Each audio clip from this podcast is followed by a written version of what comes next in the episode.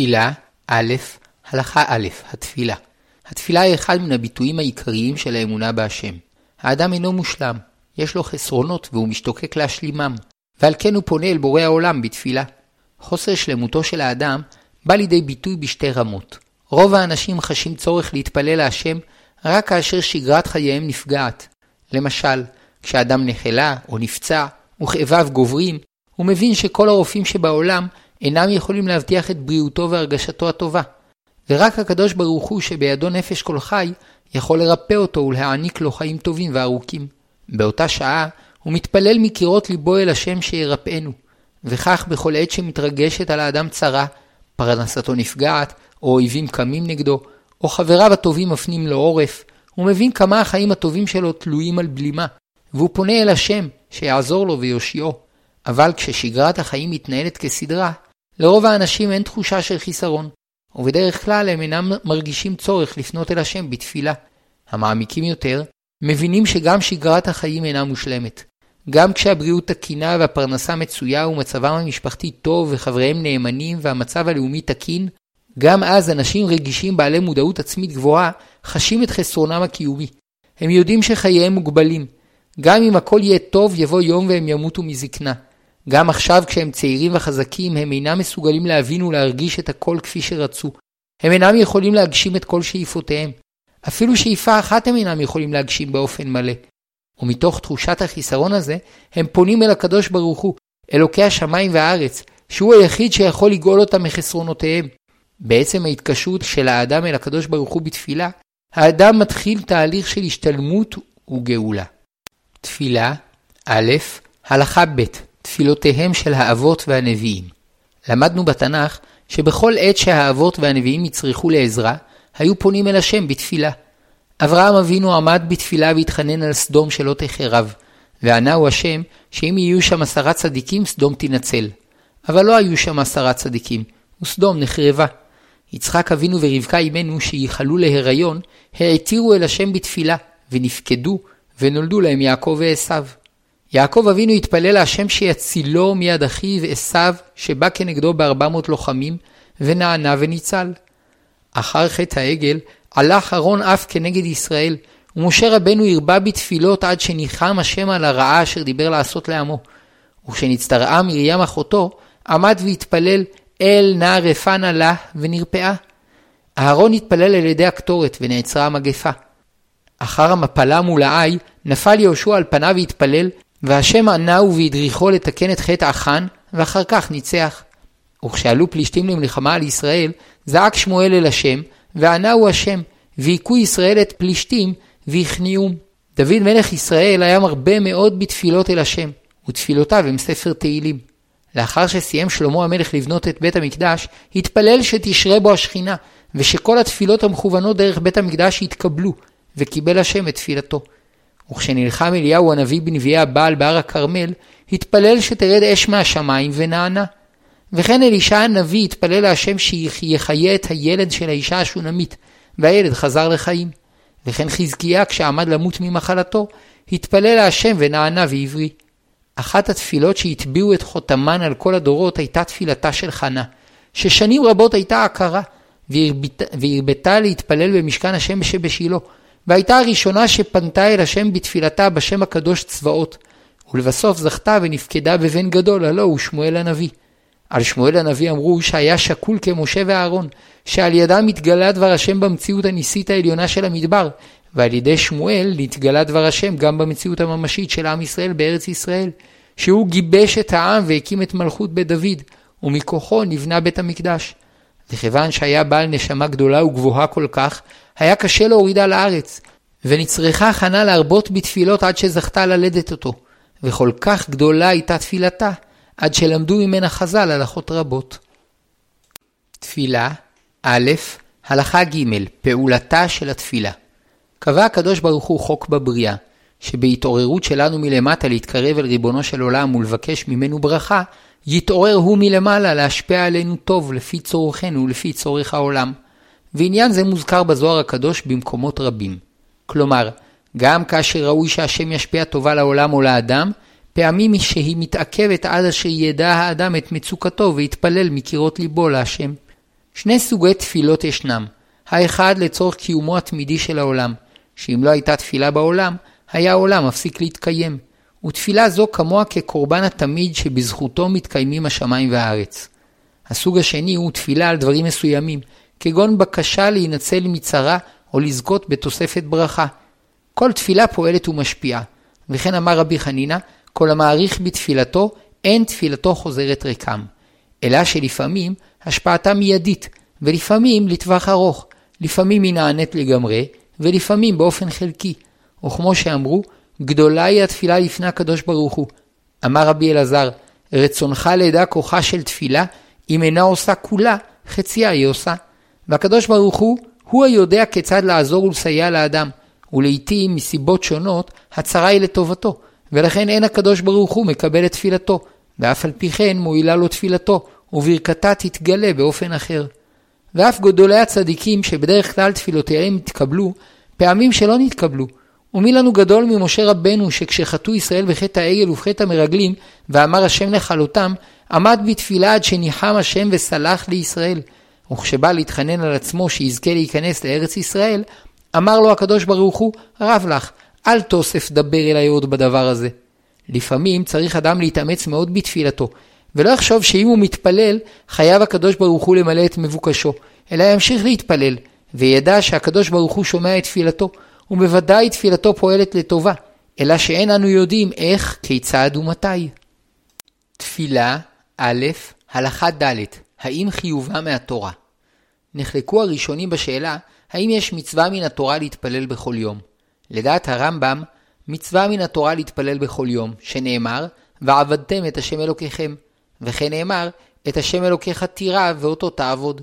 ואף שיש בפסוקים אלו ציווי כללי על עבודת השם, מכל מקום יש בהם גם ציווי מיוחד להתפלל, שכן דרשו חכמים שעבודה היא תפילה, שנאמר, לאהבה את השם אלוקיכם ולעובדו בכל לבבכם, ודרשו, איזוהי עבודה שבלב, הווה אומר זו תפילה.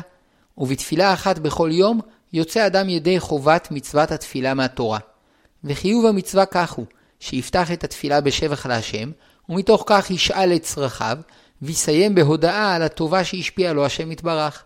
והיו שקיצרו בתפילתם והיו שהאריכו, וכולם יצאו ידי חובתם, שמהתורה אין שיעור לתפילה.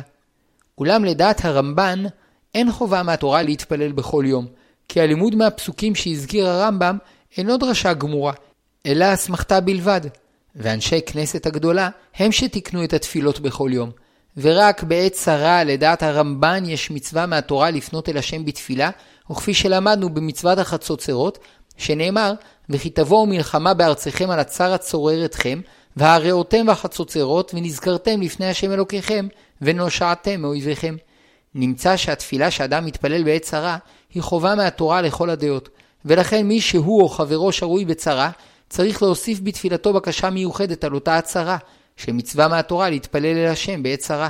וקל וחומר כשהציבור או העם שרוי בצרה, שמצווה להתפלל תפילה ציבורית, ואף היו מתקנים לכך תעניות. תפילה א', הלכה ה', תקנת התפילה על ידי אנשי כנסת הגדולה. אנשי כנסת הגדולה תיקנו את התפילות והברכות, כלומר הם תיקנו את נוסח תפילת שמונה עשרה ואת נוסח כל הברכות, ובכללן ברכות קריאת שמע וברכות הנהנין. והם תיקנו את שלוש התפילות, שחרית מנחה וערבית, שחרית ומנחה כחובה, וערבית כרשות. חברי בית הדין של עזרא הסופר, שהוקם בתחילת ימי בית המקדש השני, הם הנקראים אנשי כנסת הגדולה, והיה זה בית הדין הגדול ביותר שהוקם אי פעם בישראל. 120 זקנים היו חברים בו, וביניהם נביאים וחכמים, כמו חגי, זכריה, מלאכי, דניאל, חנניה ומישאל, עזריה ונחמיה בן חכליה ומרדכי, בלשן וזרובבל, והאחרון שבהם היה שמעון הצדיק. בתקופת בית המקדש הראשון, עם ישראל זכה להישגים רוחניים נעלים. השכינה שרתה בבית המקדש, גדולי ישראל זכו לנבואה, ולמרות זאת בין המוני העם התפשטו עבירות חמורות כעבודה זרה, גילוי עריות ושפיכות דמים, שבגללה נחרב לבסוף בית המקדש וגלו ישראל. לפיכך, כשזכו להקים מחדש את בית המקדש השני, הקימו אנשי כנסת הגדולה בית דין גדול, ועשו סייגים לתורה, ותיקנו תקנות, וניסחו את התפילות והברכות וקבעו להם סדרים, ויצרו לחיים היהודיים מסגרת שלמה, שהביאה לידי ביטוי את ערכיה של התורה באופן מסודר וממוסד בתוך חיי היומיום, ועל ידי כך הרחיקו את העם מהחטאים וקרבום לעבודת השם. מובן שגם בימי בית המקדש הראשון היו ישראל מתפללים להשם ומברכים ומודים על הטובות וההנאות, אלא שלא היה לזה נוסח מסודר. וכיוון שלא היה נוסח, הצדיקים והחסידים היו מתפללים ומברכים בכוונה, אבל המוני העם היו פותרים את עצמם בתפילות קלושות. אמנם זהו אידיאל גדול שכל אדם יתפלל בלשונו תפילה נרגשת היוצאת מהלב, אולם בפועל טרדות היומיום שוחקות, ובלא סדרי תפילות קבועים, הציבור הולך ומתנתק מעבודת התפילה ומריבונו של עולם. על ידי תקנת התפילות וניסוחן, החלו כל ישראל להתפלל, ומתוך כך נתחזקה מאוד האמונה בהשם. וכך במשך השנים נוצרה דבקות כזו בלבבות, עד שאפילו אלפיים שנות גלות לא יכלו לבטלה. יתר על כן, בזמן בית המקדש הראשון, רבים טעו והתייחסו לקורבנות כאל פעולה אלילית בעלת כוח כישופי, שמועילה למזל טוב, בפרנסה, בריאות, ביטול גזירות רעות וכיוצא בזה. והנביאים יצאו כנגד דעה מקולקלת זו, ולימדו שהקורבן נועד לבטא את הרצון להתקרב להשם במסירות נפש, שזה עיקר תכליתו של האדם, כפי שנאמר, מה השם אלוקיך שואל מעמך, כי אם ליראה את השם אלוקיך, ללכת בכל דרכיו, ולאהבה אותו, ולעבוד את השם אלוקיך בכל לבבך ובכל נפשך. וכשמביא הקורבן אינו מעוניין להידבק בהשם ולהיטיב את דרכיו, לא רק שקורבנו אינו מועיל, אלא שהוא מתועב בעיני השם, שנאמר, למה לרוב זבחיכם, יאמר השם, שבעתי עולות אלים וחלב מרעים, ודם פרים וכבשים ועתודים לא חפצתי. כי תבואו לראות פניי, מי ביקש זאת מידכם רמוס חצריי? לא תוסיפו אבי מנחת שווא, קטורת תועבה היא לי. על ידי תקנת התפילות, החזירו אנשי כנסת הגדולה את הסדר הנכון לעבודת השם, שהאמונה, הכוונה והדבקות הם היסוד, והם באים לידי ביטוי ברור יותר בתפילות. כמו שאמר רבי אלעזר, גדולה התפילה יותר מן הקורבנות. ומתוך כך הננו מתפללים שנזכה לבטא את דבקותנו בהשם בשלמות, בתפילות ובקורבנות. תפילה א', הלכה ו', הנוסח הקבוע. בקביעת נוסח תפילה אחיד, שחוזר על עצמו בכל שלוש התפילות בכל יום, ישנו חיסרון מסוים. התפילה עלולה להפוך לדבר שבשגרה, ולאבד את הכוונה המתעוררת בעת שהאדם מתפלל לפני השם בלשונו. אולם מנגד, אם חז"ל לא היו מייסדים נוסח קבוע, אף שהצדיקים היו מתפללים מעומק הלב תפילות יפות, רוב הציבור היה מתפלל בחיפזון תפילה משובשת. ומבאר הרמב"ם שבמיוחד אחר חורבן בית המקדש הראשון וגלות ישראל לבין האומות, הוחרפה הבעיה, שרבים מישראל לא היו בקיאים בלשון הקודש, שבה ראוי להתפלל, וגם בשפות אחרות לא היה בידם נוסח נאה לתפילה. לפיכך תיקנו אנשי כנסת הגדולה את נוסח כל הברכות והתפילות, שיהיה מסודר בפי כל ישראל, כדי שיהא עניין כל ברכה ערוך גם בפי עילגי הלשון. יתרון נוסף לנוסח התפילה המסודר, שהוא כולל בתוכו את כל הבקשות הכלליות והפרטיות שראוי לבקש. לולא הנוסח המסודר, מן הסתם כל אדם היה מתפלל על תחום מסוים, הרופאים על חוליהם, והחקלאים על הגשם, וכך במשך הזמן עלול היה כל יהודי להתפלל על הדברים הקרובים לליבו בלבד, תוך התנתקות משאר מערכת השאיפות הציבוריות. ולכן תקנו חכמים 18 ברכות המקיפות את כל מערכת השאיפות, החומריות והרוחניות של עם ישראל, וכך שלוש פעמים בכל יום מאזן המתפלל את כל מערכת שאיפותיו ומתאחד עם הרצונות הכלליים של האומה. בנוסף על מה שאנו מבינים בנוסח התפילה, הוא כולל בתוכו אין ספור כוונות עמוקות, שמקצנתן נתבערו בחוכמת הקבלה, או כפי שכתב רבי חיים מוולוז'ין, והמשכיל יבין מדעתו, שלא לחינם הוצרכו לתיקון תחינה קטנה ותפילה קצרה כזו, 120 זקנים ומהם כמה נביאים, אלא שהם השיגו ברוח קודשם והשגת נבואתם העליונה, ונהירים להם שבילי כל סדרי בראשית ופרקי המרכבה. לזאת ייסדו ותיקנו מטבע הברכות והתפילות באלו התיבות דווקא, מאשר ראו והשיגו איזה דרך ישכון אורה של כל תיבה פרטית מהם, אשר היא נצרכת מאוד לתיקון ריבוי עולמות, וכוחות עליונים וסידור המרכבה. ועוד כתב, שכל הכוונות שנתגלו לנו על ידי קדושי עליון והארי ז"ל, אינם אלא טיפה מן הים כנגד עומק פנימיות הכוונות של אנשי כנסת הגדולה, מתקני התפילה, שעל ידי הנבואה ורוח הקודש שהופיע עליהם בעת שתיקנו את נוסח התפילות והברכות, הצליחו לכלול במילים קצרות את תיקון כל העולמות, באופן כזה שבכל יום יומשך תיקון נוסף ומחודש לכל העולמות. תפילה א', הלכה ז', תקנת שלוש התפילות. בנוסף לתפילות המיוחדות שהיו האבות מתפללים בעת צרה, היו רגילים לקבוע לעצמם זמן שבו היו מתפללים להשם. אברהם אבינו תיקן את תפילת שחרית, שהוא זה שהתחיל להאיר את העולם באמונתו, ולכן קבע את תפילתו בעת שהחמה החלה לזרוח. יצחק אבינו תיקן את תפילת המנחה. המיוחד ביצחק שהוא המשיך ללכת בדרכו של אברהם אביו. לפעמים קל יותר לפרוץ דרך מאשר להמשיך ללכת בה. כוחו של יצחק שהמשיך ללכת בדרך האמונה, וכנגד זה תפילת מנחה, שהיא מבטאת את ההמשכיות, שכל היום נמשך מכוחה של האמונה. ויעקב אבינו תיקן את תפילת ערבית, כי יעקב התמודד עם קשיים וסיבוכים רבים, ומכולם יצא מחוזק, ולכן תיקן את תפילת הלילה, שגם בחושך, כשהמציאות אינה מאירה את פניה, אפשר להתקשר לקדוש ברוך הוא, ומתוך כך לגלות אור עליון נצחי.